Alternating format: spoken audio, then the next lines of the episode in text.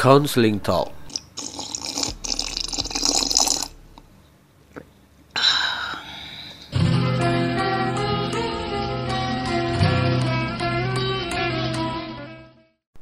Assalamualaikum warahmatullahi wabarakatuh. Alhamdulillahirrabbilalamin. Wassalatu wassalamu ala asrafil wal mursalin Wa ala alihi wa sahbihi rasulillahi ajma'in. Amma ba'du An la ilaha illallah wa asyhadu anna muhammadan abduhu wa rasuluh. La nabiyya ba'da. Apa kabar kawan-kawan pendengar semuanya? Semoga dalam keadaan yang sehat walafiat. Uh, Mari kita pertama-tama memanjatkan puji dan syukur kepada Allah Subhanahu wa taala karena atas limpah atas limpahan rahmat beliau kita dapat uh, dalam keadaan sehat walafiat mendengarkan podcast ini yakni pada podcast episode ke-9 Kopi Konseling. Semoga podcast ini dapat berlanjut membahas apa-apa, membahas segala sesuatu yang rasanya perlu untuk kita bahas. Kemudian Salawat beriring salam mari kita kirimkan kepada Nabiullah Muhammad Sallallahu Alaihi Wasallam sang suri tauladan dengan mengucapkan Allahumma sholli ala Sayyidina Muhammad wa ala ali Sayyidina Muhammad. Semoga kita termasuk umat beliau yang mendapatkan syafaat di yaumil akhir kelak. Amin ya rabbal alamin. Oke, untuk episode ke-9 ini kita akan membahas sebuah teori yang sifatnya peralihan. Mengapa saya katakan peralihan? Karena uh, dalam teori yang akan kita bahas ini uh, memang agak modern sih dibandingkan dengan teori-teori sebelumnya. Ya, yang di awal kita mulai bahas teorinya Freud yang berkembang pada tahun 19-an awal ya pada abad eh, pada abad ke-20-an awal. Sedangkan untuk teori yang akan kita bahas ini eh, ini berkembang agak lebih lama ya. Oh, ya ini puncaknya pada tahun 1990. Namun ini masih tetap dianggap sebagai teori klasik karena pada perkembangannya pada penggunaan awal-awal teori ini ini pada masa atau pada tahapan klasik. Jadi tidak masuk dalam kontemporer. Teori yang kita maksud sekarang adalah teori realita atau reality therapy. Teori reality therapy ini uh, dipelopori oleh seorang uh, psikiatri uh, yang bernama William Glasser.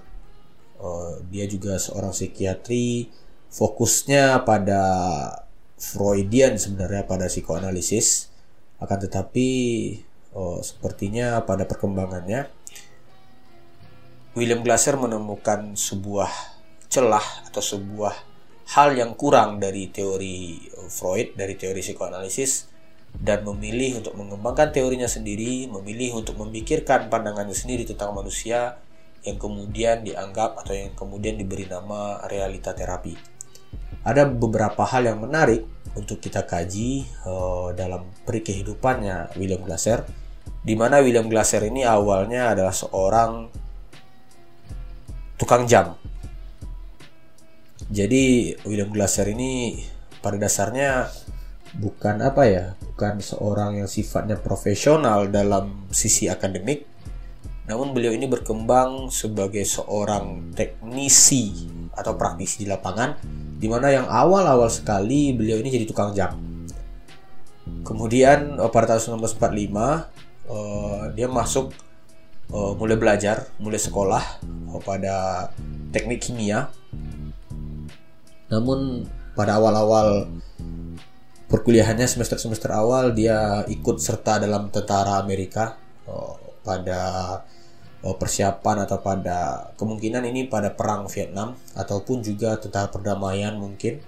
Uh, namun perlu kita catat bahwa seorang William Glasser merupakan veteran tentara Amerika yang juga mendapatkan uh, Medal of Honor uh, atau medal kehormatan atau medali kehormatan dari pemerintah Amerika. Nah, dalam proses atau dalam pengalaman seorang William Glasser di lapangan, maksud saya di di uh, medan perang, Nah inilah yang menjadikan Glaser sebagai seorang yang memperhatikan uh, tingkah atau aspek-aspek psikologi. Sehingga pada tahun 1953 ketika Glaser pulang dari tugasnya sebagai tentara Amerika, uh, Glaser meletakkan fokus atau meletakkan uh, pengembangan dirinya atau mengembangkan dirinya dalam aspek psikiatri. Yang mana di awal-awal dia seorang uh, psikiater yang mempraktekkan Freudian atau psikoanalisis. Namun pada perkembangannya ternyata dia menemukan sebuah atau menemukan sebuah celah atau sesuatu yang tidak tepat dalam uh, aspek penerapan Freudian sehingga dia menjadi anti Freudian menuju anti Freudian dan mengembangkan sebuah teori realita terapi tadi. Nah, pada proses pengembangan inilah dia bertemu dengan Harrington uh, seorang ahli psikiatri yang aliran Freudian betul dan di sini dia melihat bahwa seorang Harrington merupakan guru bagi dia dan di sinilah uh, dia belajar tentang uh, apa ya tentang Freudian yang saya katakan tadi lama kelamaan lama kelamaan kemudian dia menemukan teori yang disebut dengan realita terapi nah ada yang menarik dari seorang William Glasser walaupun dikenal sebagai seorang anti Freud namun William Glasser menjadikan Freud sebagai contoh dalam menulis.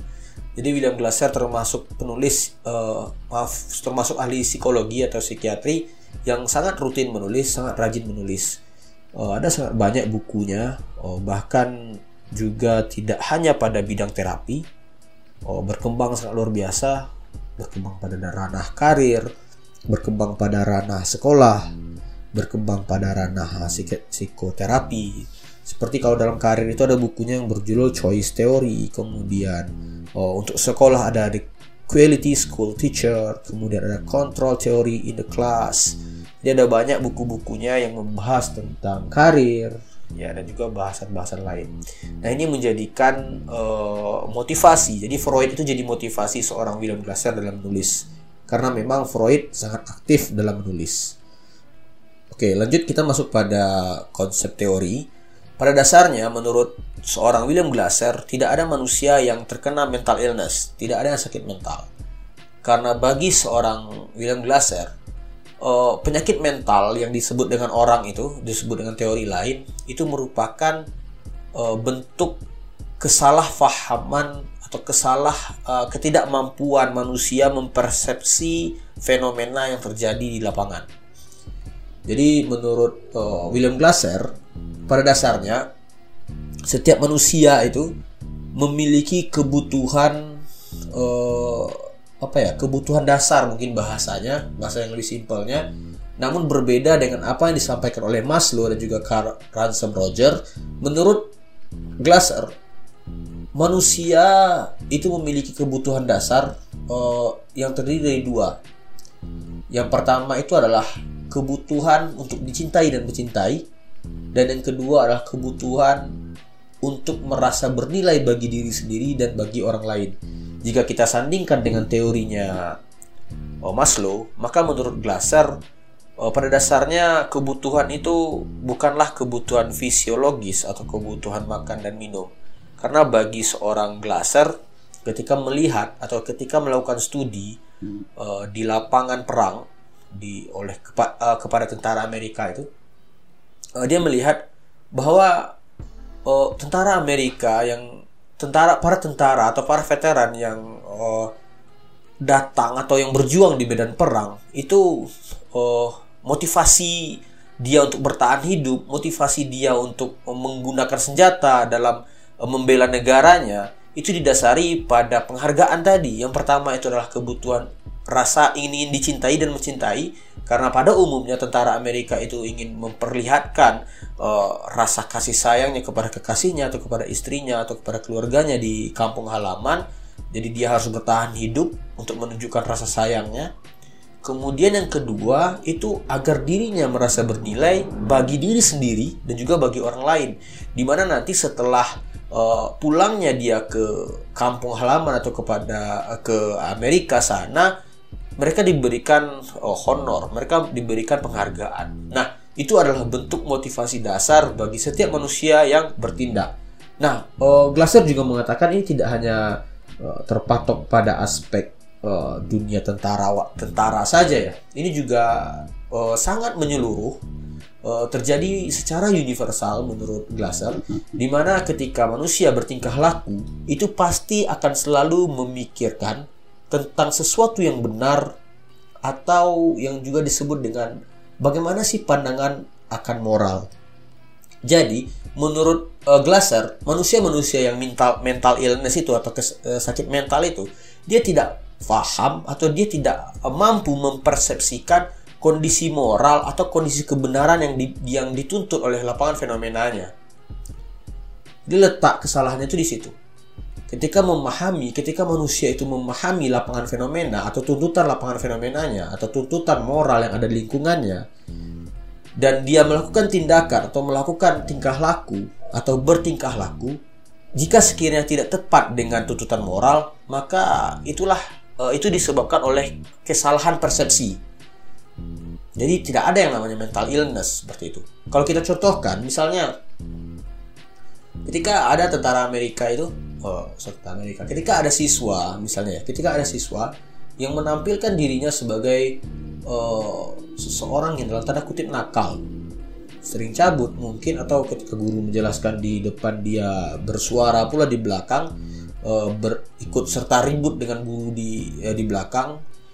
Nah menurut William Glasser seorang guru atau seorang konselor sekolah itu tidak berhak atau ti jangan sampai menjudge uh, si anak tadi sebagai orang-orang yang penyakit mental atau orang-orang yang memang ini tidak sehat ini anak begitu. Uh, mencari perhatian caper begitu. Karena harus ada uh, pemahaman oleh uh, konselornya bahwa anak ini salah mempersepsikan standar moral yang ada di kelas. Harusnya si anak tadi itu memahami bahwa adab atau moral yang digunakan di kelas itu ketika guru menyampaikan materi pendidikan atau materi pembelajaran, si anak atau siswa itu harus memahami dan memperlihatkan rasa sopan dan rasa menghargai kepada si guru yang ada di kelas. Nah, jadi letak realitanya sebenarnya dalam teori ini adalah pada standar moral atau standar kebenaran yang ada di lingkungan. Seperti itu uh, pada dasarnya menurut si uh, Glaser tentang kebutuhan dasar manusia. Oke, selanjutnya kita akan bahas tentang perkembangan kepribadian dari teori William Glaser ini ya. Seperti yang saya jelaskan pada sebelumnya bahwa kebutuhan yang dimiliki oleh manusia itu terdiri dari dua. Yang pertama kebutuhan mencintai dan cintai, kemudian kebutuhan merasa berharga bagi diri sendiri dan bagi orang lain. Oke, uh, jadi bisa kita gambarkan, bisa kita abstraksikan di pikiran kita bahwa kebutuhan pertama itu terdiri dari dua poin yang ber, uh, yang berdampingan dan kebutuhan kedua itu juga terdiri dari dua poin yang berdampingan. Nah, poin berdampingan ini yang pertama itu sifatnya subjektif, yaitu terhadap dirinya sendiri, kemudian sifatnya objektif. Yang kedua sifatnya objektif, yaitu terhadap uh, lingkungannya atau orang lain. Nah, jadi menurut uh, William Glasser, dalam pemenuhan kebutuhan ini tidak cukup. Kita hanya memenuhi atau membuat diri kita saja yang satisfied. Tidak cukup hanya kita merasa puas dengan pemuasan atau dengan pemenuhan kebutuhan. Namun bagi seorang William Glasser, kita juga harus mampu membuat orang lain merasakan pemuasan kebutuhan. Jadi adanya uh, sifat uh, apa ya kalau dalam Islam mungkin hablum dan nas gitu kita juga berbuat baik terhadap manusia lainnya jadi kita senang orang lain juga senang nah ini perlu kita fahami dalam konsep William Glasser karena inilah yang menjadi ciri khas William Glasser uh, dengan realita terapinya uh, dibandingkan dengan teori-teori lain nah sehingga uh, dalam bentuk tingkah laku dalam perkembangan tingkah laku William Glasser menekankan sesuatu yang disebut dengan appropriately and atau inappropriately. Artinya, kesesuaian antara diri kita dengan diri orang atau tidak. Jadi dalam pemenuhan kebutuhan itu kita sesuai dalam artian imbang antara diri kita dengan diri orang, sama-sama terpuaskan itu namanya appropriately atau sesuai. atau itu sama sekali tidak sesuai. Artinya apa? Mungkin orang lain saja yang puas dan kita tidak. Berarti itu tidak tidak itu bukan merupakan bentuk dari pemuasan kebutuhan. Nah, itu yang menjadi ciri khas seorang William Glasser. Nah, dalam perkembangannya, dalam perkembangan uh, pencapaian kebutuhan tadi, setidaknya menurut William Glasser terdapat tiga tahapan atau tiga uh, apa ya konsep mungkin yang mendasari uh, pemikiran atau yang mendasari uh, perkembangan tingkah laku manusia. Yang pertama itu adalah right. Jadi konsepnya si William Glasser ini juga disebut dengan atau sering disebut dengan 3R. Yang pertama itu right berarti benar.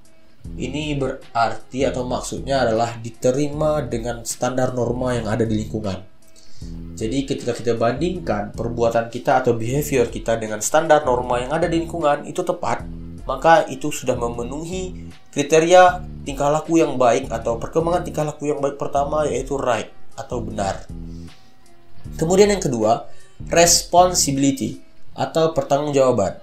Nah, ini OR kedua ini difokuskan pada pertanggungjawabannya terhadap hmm, efek atau akibat dari uh, tingkah lakunya. Artinya adanya sikap untuk mampu uh, ini saya tidak salah loh begitu.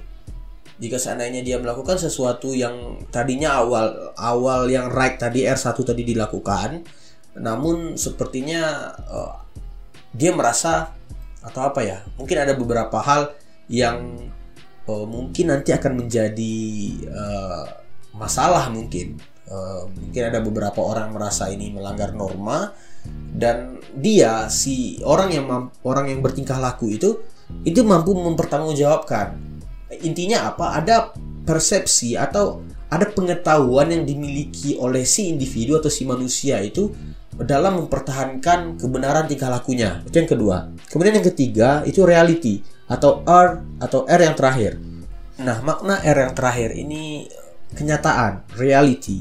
Jadi yang sebenarnya itu seperti apa? Atau juga bisa kita sebut dengan pandangan yang sifatnya universal atau setidaknya mungkin uh, partikular. Oke, kita coba uraikan. Yang pertama, right. Nah, right ini didasarkan pada kebutuhan manusia itu dalam uh, kebutuhan manusia itu untuk untuk memenuhi uh, satisfiednya, memenuhi kepuasannya yang yang mana ada keinginan untuk mencintai dan dicintai dan juga adanya keinginan untuk uh, rasa menghargai diri sendiri dan dihargai oleh orang lain. Jadi kita apa ya bisa kita uh, sampaikan atau bisa kita simpulkan untuk R yang pertama ini sifatnya subjektif atau perspektif perspek, persepsi yang dimiliki oleh uh, diri pribadi manusia itu sendiri. Kemudian yang kedua, responsibility atau tanggung jawab. Maknanya apa? Ketika terjadi misalnya ada gap antara kenyataan dengan apa yang uh, dianggap sebagai sesuatu yang benar tadi, yang right tadi, maka adanya pertanggungjawaban untuk mempertahankannya. Kemudian yang ketiga, nah di sinilah letak dari standar norma atau bagaimana pandangan masyarakat secara umum tentang perilakunya. Saya masih ingat salah seorang dosen saya uh, pernah menceritakan tentang atau menjelaskan tiga hal ini yang pertama untuk right itu dicontohkan uh, ya secara umum ya, ini dicontohkan ketika ada orang nikahan, ketika ada orang melakukan hajatan pernikahan atau walimah seperti itu ya. Nah, right yang dimiliki oleh orang yang nikah itu atau pengantin itu adalah saya menikah dan selayaknya saya melakukan pesta untuk memberitahukan kepada semua orang bahwa saya sedang berbahagia. Itu R-nya. Berarti di situ ada kebutuhan untuk saya ingin memper saya menghargai diri saya sendiri dan saya ingin orang lain menghargai saya dengan adanya saya melakukan pesta pernikahan.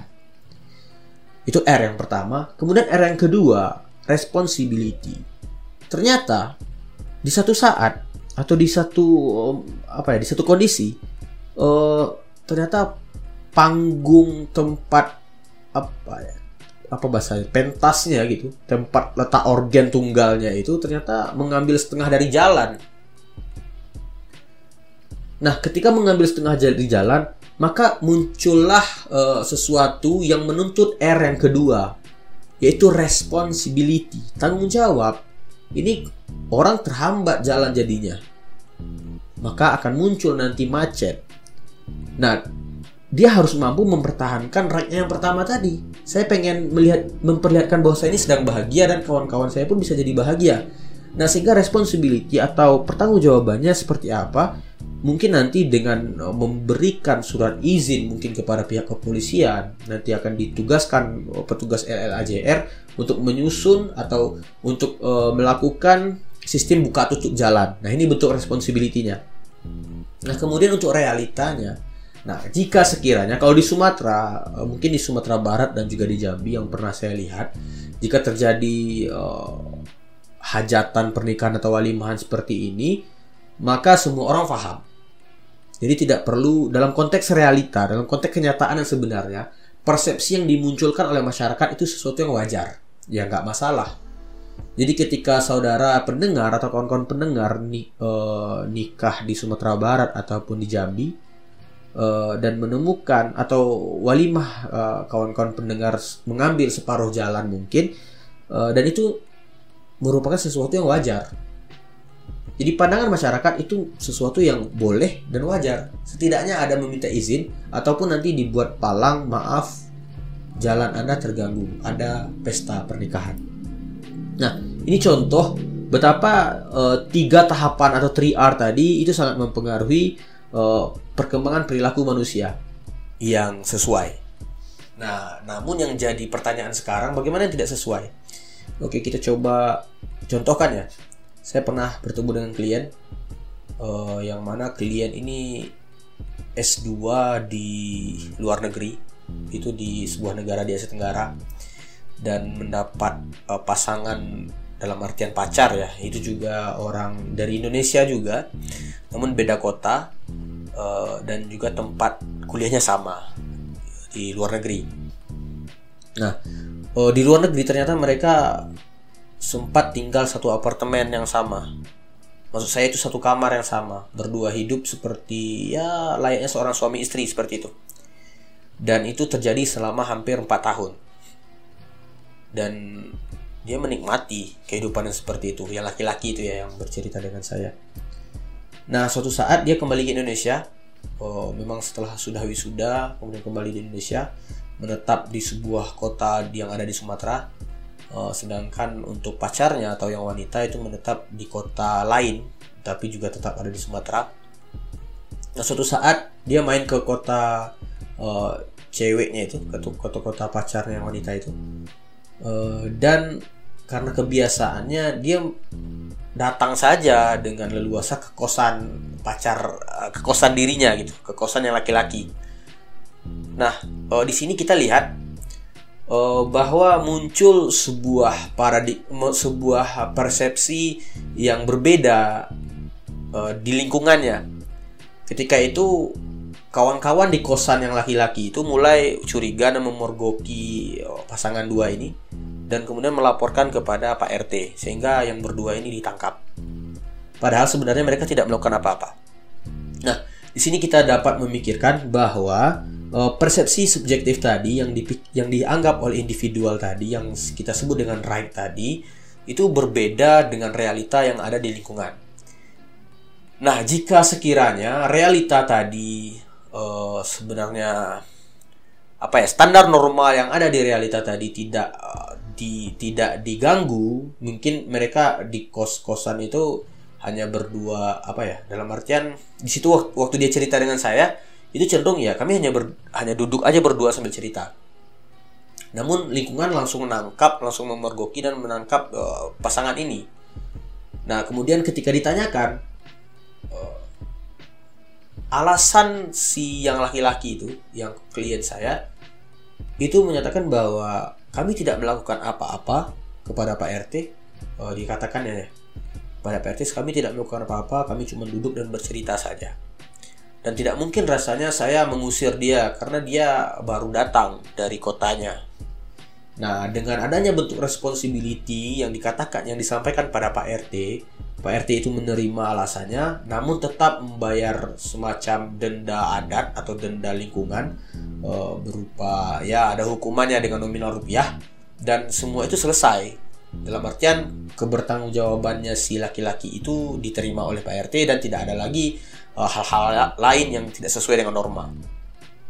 Nah, jika kita lihat dalam kasus ini, ternyata persepsi individu terhadap dirinya sendiri, pemuasan dirinya sendiri, dan juga pemuasan diri orang lain itu sangat-sangat uh, bergantung atau sangat-sangat harus kita sandingkan dengan uh, realita yang ada di lingkungan, standar norma yang ada di lingkungan, sehingga tidak akan ada muncul uh, sesuatu yang sifatnya tidak sesuai antara kebutuhan diri kita sendiri dan kebutuhan lingkungan kita itu contoh ketika 3R itu tidak uh, berjalan dengan baik seperti itu. Nah, kemudian William Glasser melakukan penyimpulan terhadap teorinya, yakni R 3R itu berarti uh, yang sesuai tadi ya. 3R yang sesuai adalah bagaimana si individu atau si manusia itu mempelajari apa itu benar. R pertama. Kemudian bertingkah laku secara bertanggung jawab R yang kedua dan memahami serta menghadapi realita yang ada R yang ketiga. Saya ulangi ya ketika kita atau manusia mampu mempelajari right kemudian bertingkah laku secara bertanggung jawab dan memahami serta berani menghadapi realita yang ada. Nah inilah kondisi individu yang bagus menurut uh, William Glasser seperti itu. Nah, kemudian kita beranjak pada uh, aspek selanjutnya yaitu tingkah laku salah suai. Sekali lagi saya tekankan, menurut William Glasser tidak ada yang namanya uh, mental illness, tidak ada yang namanya penyakit mental. Han, uh, penyakit mental itu terjadi atau pandangan orang tentang, tentang penyakit mental itu ada karena ketidaktahuan atau ketidakmampuan si individu atau si manusia itu memahami atau mempersepsikan uh, realita yang ada di lingkungannya. Nah, itu yang menyebabkan terjadinya uh, maladaptive behavior tadi. Kita contohkan seperti klien saya tadi, jika sekiranya dipanggil sama PRT dia marah-marah, terserah ini hak saya, kita berada di negara bebas. Saya juga biasa melakukan ini di, di ketika saya kuliah S1. Nah, ketika dia sampaikan itu, dia melakukan perlawanan terhadap realita, dia melakukan perlawanan terhadap standar norma yang ada, maka ini sudah tergolong sebagai orang-orang yang salah dalam bertingkah laku. Nah, itu contohnya. Atau mungkin uh, ketika si individu tadi ditangkap, kemudian dia lari, dia mungkin apa ya tidak memenuhi panggilan ketua RT, mungkin dia kabur atau cabut uh, dan menghilangkan rasa tanggung jawabnya.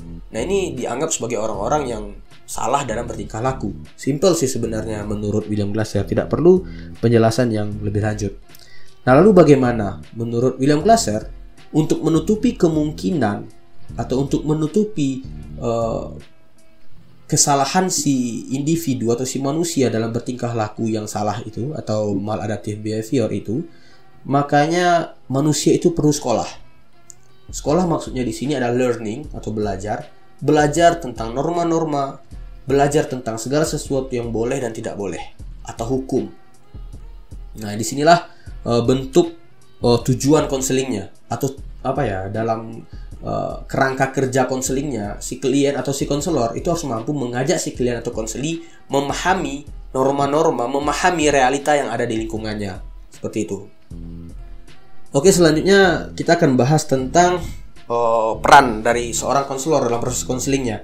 Menurut Glasser, dalam proses konseling atau dalam proses psikoterapi yang dilakukan oleh konselor atau terapis, eh, konselor harus memiliki empat karakteristik dasar tingkah laku. Yang pertama, eh, konselor adalah harus merupakan seorang yang memperlihatkan pertanggungjawaban. Artinya apa? Konselor memperlihatkan uh, bahwa saya mampu membantu saudara begitu. Saya mampu dan saya able gitu ya. Saya uh, memiliki kemampuan untuk membantu saudara dalam menyelesaikan masalah ini. Kemudian yang kedua, konselor haruslah seorang yang kuat, jangan seorang yang lemah dalam artian mudah terpengaruh dengan apa yang dirasakan oleh klien. Dan konselor juga harus uh, mampu menjustifikasi perilaku-perilaku konseling, eh, perilaku-perilaku konseli atau klien jangan sampai nanti si konselor itu melakukan empati yang berlebihan dalam proses konselingnya. Kemudian yang ketiga, konselor adalah seorang yang hangat, memahami tentang kemanusiaan dan juga memahami tentang perilaku yang wajar bagi si klien atau si manusia. Kemudian yang keempat, konselor harus mampu membagi pengalaman-pengalaman dia pribadi ataupun pengalaman-pengalaman orang lain yang seakan-akan mampu memberikan dampak positif pada diri si klien. Oke, kemudian uh, itu karakteristik dasarnya ya. Dan selanjutnya ada semacam ciri khas dari seorang William Glasser uh, berkenaan dengan teknik proses konselingnya. Uh, yang pertama itu uh, seorang konselor itu memperlihatkan harus mampu memperlihatkan bentuk peduli dengan klien. Namun bentuk peduli yang dianggap bagi seorang konselor itu bukanlah kepedulian terhadap perasaan. Jadi memang uh, bentuk pedulinya pada uh, kesesuaian tingkah laku dengan norma. Kemudian yang kedua, fokus dalam proses konseling yang dimiliki oleh konselor adalah uh, masa depan. Jadi problem atau permasalahan-permasalahan yang dialami oleh klien itu cukup dianggap sebagai masa lalu dan harus diperbaiki untuk masa depan. Kemudian yang keempat, yang ketiga, seorang konselor juga menjadi hakim terhadap nilai-nilai yang ada atau nilai-nilai yang berlaku di masyarakat. Maksudnya adalah si konselor juga harus paham bagaimana sih oh, perbedaan-perbedaan budaya atau perbedaan-perbedaan norma yang ada di masyarakatnya begitu. Nah, ya kalau seandainya si klien itu memiliki paham yang agak kebarat-baratan maka si konselor juga harus memahami itu. Dan bagaimana kondisi di lingkungan si klien? Apakah di klien atau apakah di lingkungan klien itu juga kebarat-baratan? Jika seandainya tidak maka konselor harus mampu memberikan eh, pendekatan-pendekatan uh, pengetahuan terhadap diri klien tentang uh, hukum atau norma yang berlaku pada lingkungannya. Kemudian uh, yang yang paling ini yang paling apa ya yang paling jadi ciri khasnya. Yang pertama itu no excuse atau tidak ada yang namanya uh, izin gitu ya. Kalau seandainya ini tidak tepat dengan yang uh, disesuaikan dengan lingkungan, maka si klien harus paham, harus ikut serta dengan apa yang dikatakan oleh lingkungannya. Kemudian juga seorang konselor harus mampu uh, memberikan hukuman-hukuman uh, pada diri klien Nah, namun ini konteksnya nanti berbeda karena dalam proses konseling itu setidaknya atau harusnya harus ada komitmen bahwa boleh nanti konselor melakukan semacam hukuman atau punishment terhadap si klien seperti itu.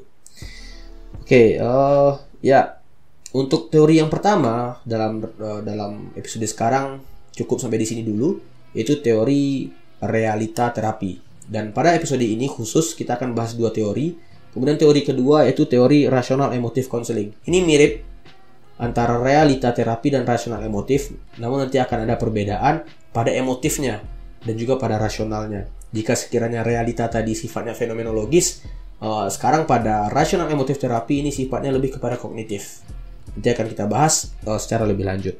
Nah, uh, kita tutup dulu ya untuk realita terapinya William Glasser. Sekarang kita akan bahas rasional emotifnya Albert Ellis. Untuk rasional emotifnya Albert Ellis, nah perlu kita pahami ya bahwa uh, perjuangan seorang Ellis ini uh, cenderung lebih uh, menarik untuk dibahas karena memang banyak buku-buku ataupun sumber-sumber lain uh, yang membahas tentang Albert Ellis. Itu biasanya sering menyetarakan antara Ellis, Freud, dan Carl Gustav uh, maaf Carl Ransom Rogers.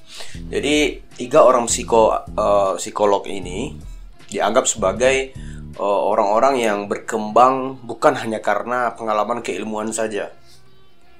Namun mereka bertiga berkembang karena uh, pengalaman hidup dan juga pengalaman keilmuan. Seperti Freud yang menceritakan dirinya masa kecil, kemudian Carl, uh, Carl Ransom Rogers juga menceritakan bagaimana dia melihat perkembangan psikologi sejak kecil kemudian juga Ellis di mana Albert Ellis ini uh, menariknya ya dia merupakan anak dari seorang perempuan yang menderita uh, kepribadian bipolar. Nah, karena itu juga seorang Ellis meletakkan ketertarikan kepada dunia psikologi.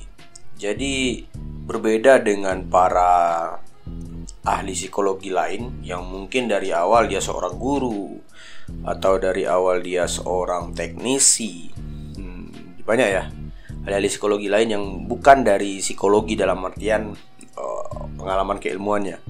Nah kalau untuk Alice memang murni dari kuliah uh, pertama dia kuliah di Columbia University itu memang mengambil jurusan psikologi. Artinya apa? uh, dengan pengalaman yang memang didasari uh, terhadap fundamentalnya keilmuan psikologi di dirinya, Albert Ellis menjadi seorang analisator, menjadi seorang akademisi uh, psikologi yang matang. Banyak kita lihat banyak perkembangan yang dialami oleh para ahli psikologi itu tidak secepat seorang Albert Ellis. Karena Albert Ellis dalam waktu sebelum umur 40 itu dia sudah mengembangkan teorinya. Rasional emotif sudah diperkenalkan ketika dia berusia uh, kurang dari uh, 40 tahun. Sehingga memang untuk secara kematangan keilmuan Albert Ellis memang harus kita patut kita acungi jempol begitu. Nah, selain itu, Albert Ellis juga merupakan orang yang mempelajari uh, dan menjadi ahli di semua ranah psikoanalisis. Jadi di awalnya Columbia University itu memang terkenal sebagai uh, apa ya markas keilmuannya psikoanalisis di Amerika. Jadi uh, Ellis belajar di sana, kemudian menjadi seorang uh, praktisi psikologi khususnya pada psikoanalisis klasik. Kemudian dia gabung sama dia gabung dengan uh, neo psikoanalisis dia gabung dengan pemikirannya yang. Kemudian juga bergabung dengan uh, Karen Harney Institute. Kemudian bergabung dengan uh, siapa namanya? Arvel Adler Institute juga. Jadi memang uh, pengalamannya sangat luar biasa. Pengalaman-pengalaman keilmuan Alfred Adler memang patut kita acungi jempol seperti itu. Nah, perlu juga kita lihat ya, seorang Alfred Adler ini walaupun dia tinggal di Amerika, namun secara pemikiran untuk pengaruh-pengaruh dari seorang uh, mungkin Karl Roger ataupun uh, dari seorang pemikirannya behavioristik ya, ketika itu B.F. Skinner, uh, seorang Albert Ellis itu sangat terasa kental sekali pemikiran-pemikiran Eropanya. Sangat kental sekali pemikiran-pemikiran yang bersangkut paut dengan uh, idealisme Eropa. Mungkin di awal kita pernah bahas bahwa secara umum ada aliran yang sifatnya strukturalis, kemudian juga ada aliran yang sifatnya fungsionalis. Nah, Albert, Ellis sebagai seorang yang lahir di Amerika ini sangat-sangat strukturalis. Bahkan dikatakan bahwa uh, seorang Albert Ellis lah yang memperkenalkan strukturalisnya Amerika yang sebelum-sebelumnya baik itu G.B. Watson ataupun uh, Carlos Mroja bahkan itu sangat kental dengan yang namanya fungsionalis. Jadi ini uh, sedikit uh, pengantar tentang luar biasanya seorang Albert Ellis. Nah, selanjutnya perlu juga kita pahami ya bahwa Albert Ellis merupakan uh, ahli psikologi pertama yang menggaungkan revolusi pendidikan seks oh, atau di bahasa ketika itu di zamannya Albert Ellis menggaungkan ini ini disebut dengan American Sexual Revolution. Secara garis besar sebenarnya uh, ini sangat dekat dengan pemikiran-pemikiran Ransom Roger sebenarnya, Carl Ransom Roger, Carl Roger. Namun Albert Ellis menganalisis ini dalam bentuk strukturalisnya. Artinya apa? Albert Ellis uh, mengkaji tentang dorongan-dorongan seksual dan juga libidonya karena dia juga seorang psikoanalisis ya. Kemudian juga dia melakukan uh, semacam riset-riset yang berkaitan dengan homoseksual, uh, lesbian dan segala macamnya.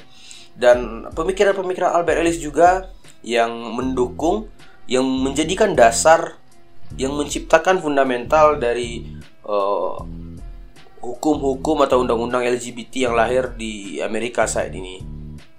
Ini memang Albert Ellis ini uh, juga sebagai seorang seksolog dan juga love research ya dalam artian memang dia juga mendukung yang namanya uh, kebebasan berpendapat untuk uh, apa istilahnya orientasi seksual seperti itu. Semoga pemikiran-pemikirannya uh, tidak diadopsi oleh uh, keilmuan atau ilmuwan-ilmuwan di Indonesia karena memang LGBT itu di Indonesia tertolak.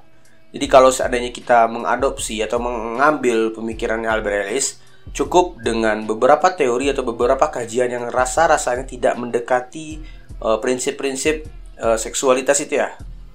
Kalau untuk untuk bahas mungkin nanti kita bahas ABCDE atau uh, rational emotive behaviornya itu oke. Okay. Akan tetapi kalau pemikirannya mengarah kepada feminis, mengarah kepada uh, kebebasan berpendapat dalam artian orientasi seksual itu segera kita tahan, segera kita blok. Nanti akan kita bahas.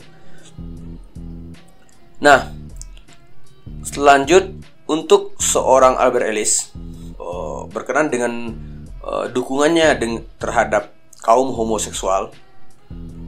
Ini memang dibuat uh, sebuah buku ya dari hasil risetnya.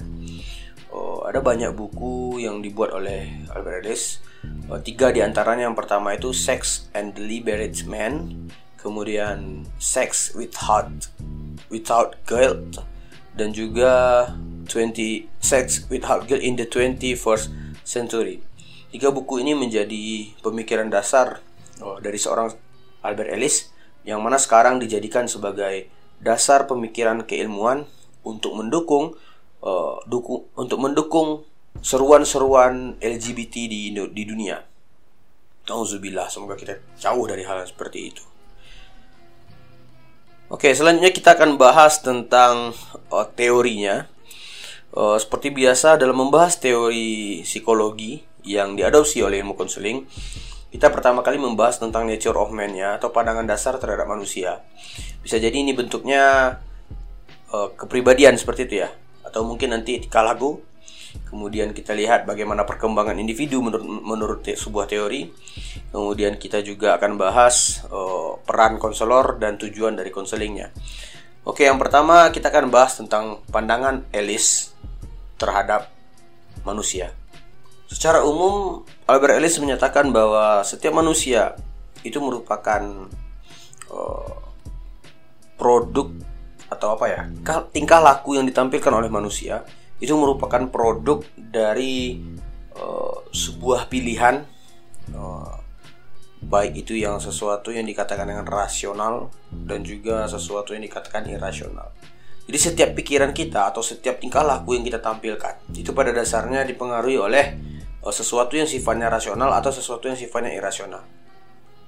Nah, manusia tidak akan pernah mampu oh, secara apa ya secara kemampuan begitu ya manusia tidak memiliki kemampuan secara pribadi dia sendiri untuk memilih dan menetapkan ini rasional loh dan ini yang tidak rasional sehingga menurut Albert Ellis sentral uh, function atau fungsi sentral dari seorang konselor atau seorang terapis itu sangat-sangat dibutuhkan di dalam uh, penerapan uh, teori ini seperti itu.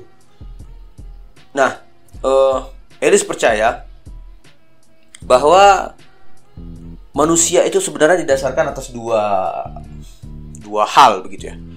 Uh, yang pertama itu pemikiran atau unsur-unsur kognitif, unsur-unsur fungsi kognitif. Kemudian yang kedua, emosi atau sesuatu yang sifatnya perasaan. Nah, menurut Albert Ellis, baik itu rasional ataupun baik itu kognitif dan juga perasaan ini sama-sama sangat kita butuhkan sebagai manusia.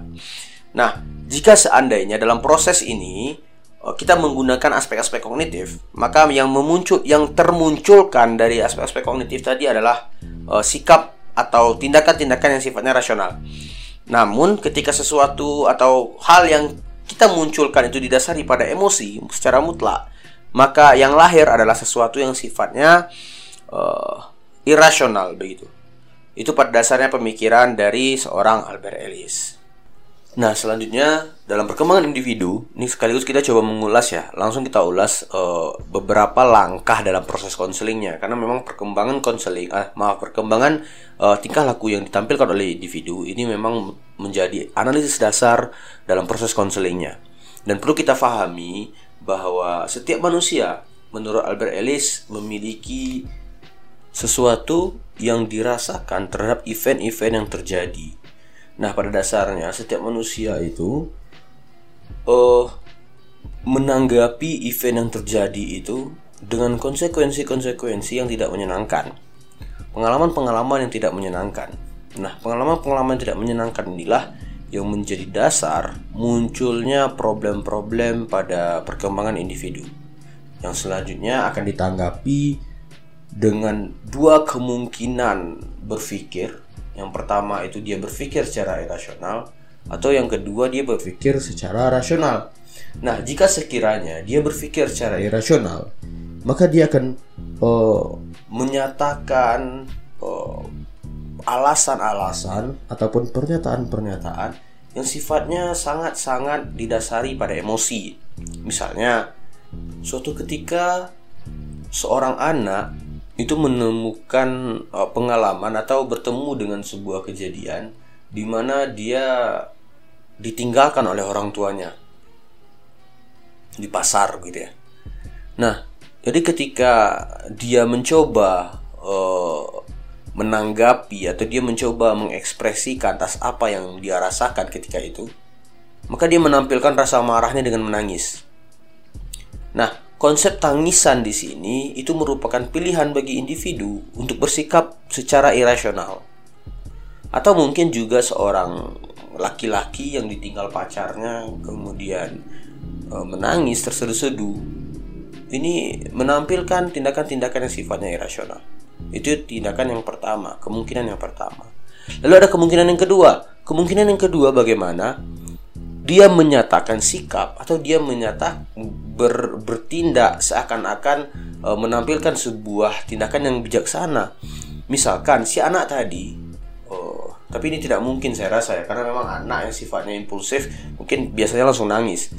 Tapi kalau seandainya si anak itu memiliki kemampuan uh, yang dalam artian rasional, Kemudian dia datangi beberapa orang ditanyakan, apakah bapak melihat ibu saya? Ibu saya oh, ciri-cirinya seperti ini, dia pakai baju ini, dia pakai jilbab warna ini. Apakah bapak melihat ibu saya? Saya ditinggalkan. Mungkin mbak, mungkin ibu saya lupa. Mungkin ibu saya tidak ingat kalau sekiranya dia bawa anaknya begitu. Nah, tindakan-tindakan seperti ini sikap sifatnya rasional. Atau mungkin yang laki-laki tadi itu mulai merenungi bahwa apa yang telah dilakukannya, apa yang telah terjadi terhadap uh, keputusan sang wanita untuk meninggalkannya. Si laki-laki tadi merasa oke okay, ini merupakan bentuk atas evaluasi uh, yang telah saya lakukan. Mungkin ke depannya saya akan mendapatkan wanita yang lebih baik. Atau mungkin, nah ini mungkin pelajaran bahwa tidak kan uh, pacaran mungkin tidak tepat bagi saya. Nah, problema-problema atau permasalahan-permasalahan jika disikapi dengan rasional maka eh, maaf jika disikapi dengan uh, pemikiran yang bijaksana maka itu merupakan pilihan yang rasional seperti itu menurut Albert Ellis. Nah kemudian dalam perkembangan manusia juga uh, muncullah event baru, muncullah uh, kejadian baru atau pengalaman baru setelah dia memilih antara duanya. Jika sekiranya dia memilih yang tindakan irasional tadi, maka event yang selanjutnya tentu akan berbeda dengan pilihan rasional. Jika dia memilih untuk irasional, maka mungkin dia akan membutuhkan bantuan dari orang lain untuk uh, bertindak bijaksana. Atau bahasa lainnya, mungkin dia membutuhkan orang lain untuk membantunya. Sedangkan kalau untuk tindakan yang rasional, mungkin dia tidak membutuhkan orang lain untuk membantu. Gitu. Misalnya kalau anak kecil tadi, ya ujung-ujungnya dia bertanya kan. Itu tindakan dirinya sendiri untuk menampilkan bentuk kerasionalannya. Kemudian kalau dia menangis, pasti akan banyak orang mendatanginya lalu menanyakan, ada apa nak? Begitu juga dengan laki-laki yang ditinggal pacar. Datanglah teman-temannya. Ada apa nak? Ada apa kawan? Ada apa sahabatku? Bisa jadi ada kemungkinan nanti kawan-kawannya nanti mendapatkan uh, mendapatkan jalan lain untuk menyelesaikan permasalahannya atau bapak-bapak itu mendapatkan jalan lain untuk untuk mencari ibunya. Namun ada kemungkinan lain. Kemungkinan lain apa? Ternyata bapak-bapak atau orang yang membantu itu tidak mendapatkan jalan keluar yang baik tidak mendapatkan jalan keluar yang sesuai dengan apa yang kita butuhkan. Sehingga jalan yang tepat atau cara yang tepat ketika mengalami permasalahan seperti ini adalah mendatangi konselor untuk menanyakan tindakan-tindakan apa yang tepat untuk kita jadikan. Karena konselor adalah profesi yang profesional, pekerjaan yang profesional, uh, memiliki sisi-sisi atau aspek-aspek keilmuan yang mendasar sehingga memang tindakan yang paling tepat adalah mendatangi konselor. Bagi si laki-laki ya kalau bagi si anak saya rasa belum tepat untuk mendatangi konselor. Karena itu permasalahannya berbeda mungkin. Nah kemudian pada dasarnya begitu. Uh, pemikiran dari Albert Ellis itu merupakan uh, bentuk uh, apa ya tanggapan mungkin atau bentuk Eh, sisi-sisi uh, pengalaman dari apa yang terjadi pada diri uh, si manusia. Dan salah satu pemikiran Albert Ellis yang terkenal itu adalah uh, kehidupan sekarang merupakan akumulasi dari kehidupan-kehidupan sebelumnya. Hidup itu adalah pilihan. Ketika kita uh, ketika kita memilih untuk rasional, maka ke depannya kita akan memiliki pilihan yang berbeda dengan jika kita pilih yang irasional. Begitu salah satu dasar pemikiran dari seorang Albert Ellis. Di Indonesia sendiri, oh, perlu kita pahami ya, atau perlu kita ketahui bahwa sangat banyak para ahli-ahli psikologi maupun ahli konseling melakukan riset yang mendalam terhadap pemikiran-pemikiran Albert Ellis. Oh, yang saya kenal itu ada misalnya Dr. Reni Carnelli, oh, ketua program profesi konselor di UNP Nah, itu memang mendalami oh, aspek-aspek atau mendalami proses-proses pemikiran dari Albert Ellis. Kemudian juga uh, abang saya, salah satu senior saya, tempat diskusi saya, uh, abang Adnan Arafani, mantan ketua PPI Malaysia. Oh, ini juga mendalami tentang konsep-konsep dari Albert Ellis.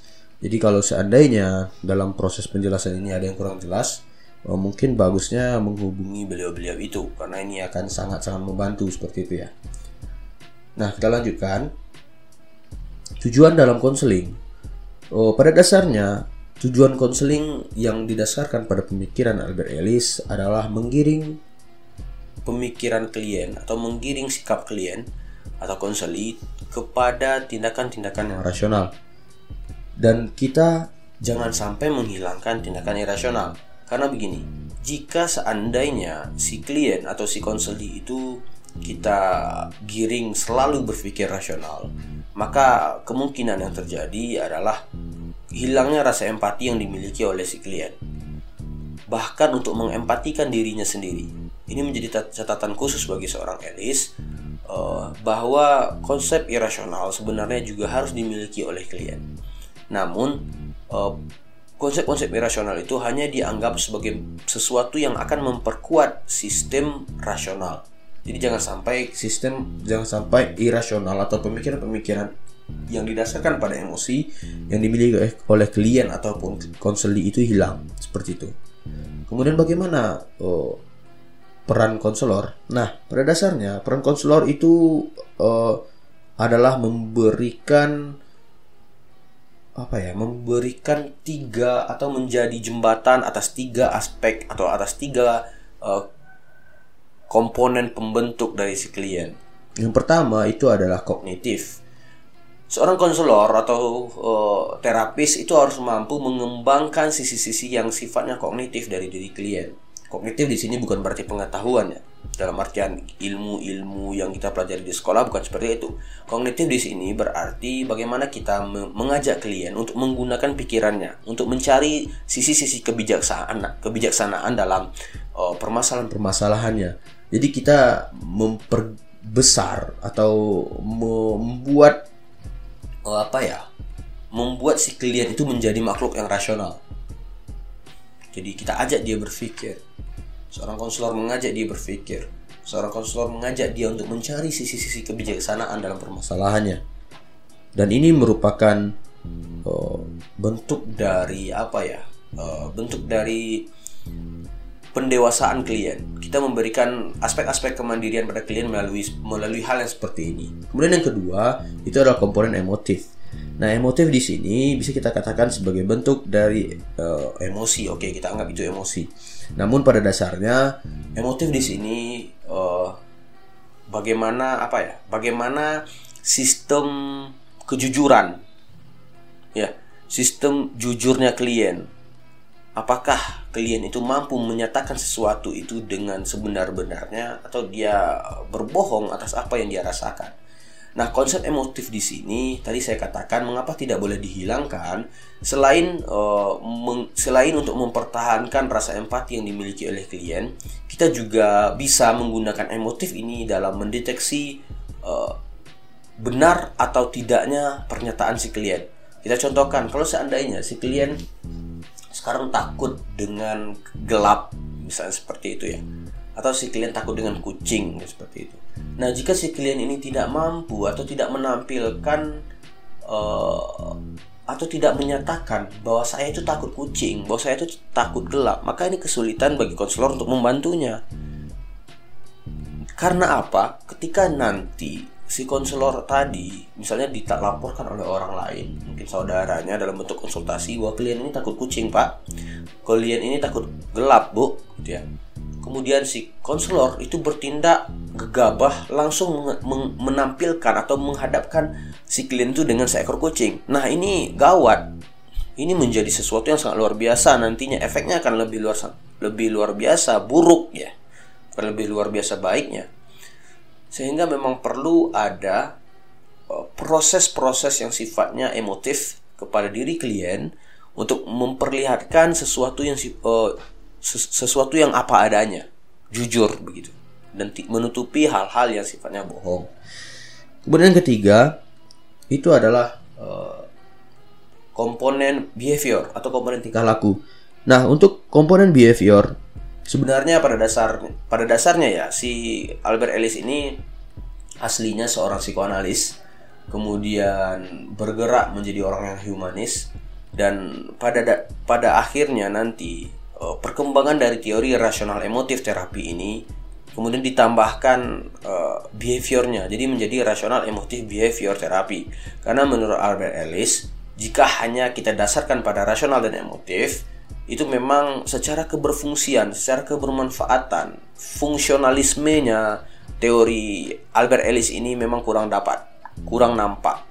Sehingga memang ditambahkan aspek-aspek yang sifatnya behavior Nah, behavior di sini konsepnya sama dengan aspek behavior yang, diken yang dikenalkan oleh B.F. Skinner, yang dikenalkan oleh G.B. Watson, dan yang dikenalkan oleh Ivan Pavlov. Pada dasarnya, dalam proses uh, terapi rasional emotif behavior, itu memang si klien juga dilatihkan eh, tindakan-tindakan uh, atau tingkah laku yang didasarkan atau yang uh, dilakukan dengan operan conditioning mungkin atau uh, conditioning klasik mungkin. Jadi intinya Albert Ellis merupakan hasil dari semua oh, aliran-aliran. Oh, Begitu ada saya saya pernah baca oh, buku yang menyatakan bahwa Albert Ellis merupakan akumulasi dari oh, ahli-ahli konseling atau ahli-ahli psikologi oh, pada masa klasik. Nah, beginilah oh, pandangan orang terhadap seorang Albert Ellis begitu. Kemudian oh, simpulannya kita juga harus paham ya bahwa seorang Albert Ellis itu juga saya katakan tadi ya juga merupakan psikoanalis juga merupakan humor humanis kemudian juga orang-orang yang behavioris. Sehingga banyak yang mengatakan bahwa Albert Ellis mengemukakan teori yang paling tepat untuk digunakan dalam konseling Nah, ini juga sebagai penutup dalam proses atau dalam penjelasan isu klasik dalam konseling, uh, terutama pada isu psikologi. Minggu depan kita akan bergerak pada isu klasik kedua, yaitu isu klasik yang berkaitan dengan filsafat. Minggu depan kita akan bahas uh, isu filsafat. Jadi kita, untuk penutup pada isu sekarang, kita perlu kita jelaskan ya. Banyak yang mengatakan bahwa pemikiran Albert, Albert Ellis merupakan akumulasi tadi saya katakan. Nah, namun perlu kita fahami juga bahwa pada dasarnya perkembangan-perkembangan teori barat itu didasarkan pada aspek-aspek sekulerisasi uh, terhadap agama. Baik pemikiran Freud ataupun pemikiran yang Adler, kemudian kita bahas Erikson, gitu, kemudian kita bahas Carl Gustav Jung, kemudian kita bahas uh, Ransom Roger, bahas Ivan Pavlov, B.F. Skinner, G.B. Watson, kemudian kita bahas orang uh, William Glasser, kemudian kita bahas orang Albert Ellis pada dasarnya mereka meniadakan, menghilangkan aspek-aspek agama, aspek-aspek religiusitas dalam teori mereka. Nah, memang sekarang diasumsikan bahwa teori-teori, terutama teori Albert Ellis ini menjadi teori terbaik dalam pelaksanaan konseling ataupun dalam pelaksanaan psikoterapi. Karena dalam risetnya di Amerika sekarang uh, penggunaan rebet atau rational emotive behavior therapy ini menjadi nomor satu ya dalam pelaksanaan terapi di Amerika sana. Nah untuk di timur, terutama kita di Indonesia, perlu kita analisis dalam mengadopsi teori kita harus melihat aspek-aspek yang rasanya akan menyesatkan kita, terutama dalam pemikiran-pemikiran atau dalam pemahaman-pemahaman yang sifatnya sekuler. Kita lihat semua teori itu meniadakan fungsi Tuhan. Semua teori meniadakan fungsi-fungsi yang sifatnya ruhaniah. Sehingga nanti pada aspek filsafat atau pada isu-isu filsafat kita akan membahas mengapa dan bagaimana sisi-sisi sekuleris sekulerisme mempengaruhi dan menggerogoti pemikiran-pemikiran para psikolog. Mungkin untuk besok kita satu atau dua episode jadi tidak terlalu banyak untuk untuk uh, isu kedua. Kemudian nanti kita lanjut pada isu ketiga yaitu isu pendidikan. Kemudian lanjut pada isu ekonomi maaf isu sosiologi. Kemudian isu antropologi. Dan terakhir kita akan masuk pada uh, isu ekonomi. Setelah itu kita akan masuk pada uh, isu kontemporer yang mana nanti mungkin perlu disusun lagi. Kemarin sudah kita sepakati sebenarnya kita akan bahas tentang isu uh, positivistik. Namun kita lihat bagaimana nanti perkembangannya. Apakah kita bahas positivistik dulu atau kita bahas uh, humanis? Karena sekarang sedang wah-wahnya tentang kasus LGBT ya, yang mulai menampakkan dirinya. Bahkan yang mengatakan bulan Juni kemarin merupakan bulannya LGBT. Jadi kita lihat nanti kondisinya seperti apa. Karena nanti akan ada banyak kaitan baik antara positivistik maupun secara antar maupun dalam kajian humanis. Intinya uh, untuk isu-isu psikologi cukup sampai di sini dulu. Sebenarnya ada banyak teori seperti teorinya uh, Wolfgang Kohler, kemudian Kafka yang memperkenalkan konsep-konsep yang sifatnya gestalian. Kemudian juga ada yang di Indonesia juga ada ya, seperti BK komprehensif. Kemudian juga BK pola 17, BK kipas namun nanti kita akan kita masukkan pada aspek-aspek yang sifatnya kontemporer karena itu berkembang setelah tahun 2000. Oke, cukup sampai di sini. Uh, terima kasih bagi kawan-kawan pendengar yang rela yang masih tetap setia mendengarkan podcast ini. Uh, saya berharap podcast ini dapat berkembang dengan baik uh, karena sekarang sudah lumayan juga ya pendengarnya. Juga kemarin saya sempat didesak-desak untuk membuat podcast lagi walaupun memang jujur ya dalam membuat podcast podcast ini saya harus baca lagi. Saya harus mempelajari lagi karena takut nanti ada yang salah dalam pengucapan maupun dalam pemahaman. Uh, sehingga sekali lagi saya membuka ruang diskusi untuk membahas hal-hal yang terkait dapat hubungi saya atau DM saya di Instagram. Uh, karena juga sudah saya terahkan ya, di dalam apa saya di dalam uh, Spotify saya. Jadi harapannya kita di sini membuka ruang diskusi, silakan kita diskusi ya. Karena keilmuan itu memiliki aspek-aspek subjektivitas karena dari luar kemudian diadopsi oleh para ahli di Indonesia. Kita baca bukunya dan kita memiliki pemahaman sendiri. Kawan-kawan juga mungkin memiliki pemahaman sendiri. Oke, terima kasih ya. Sekali lagi saya ucapkan. Saya tutup dengan mengucapkan doa kafaratul majelis. Subhanakallahumma wa bihamdika asyhadu an la ilaha anta astaghfiruka wa atubu ilaih. Sesungguhnya apa yang telah saya sampaikan dan itu berkaitan dengan kebenaran maka itu dari Allah Subhanahu wa taala dan jika itu adalah kejahilan maka itu berasal dari saya sendiri. Terima kasih. Wassalamualaikum warahmatullahi wabarakatuh.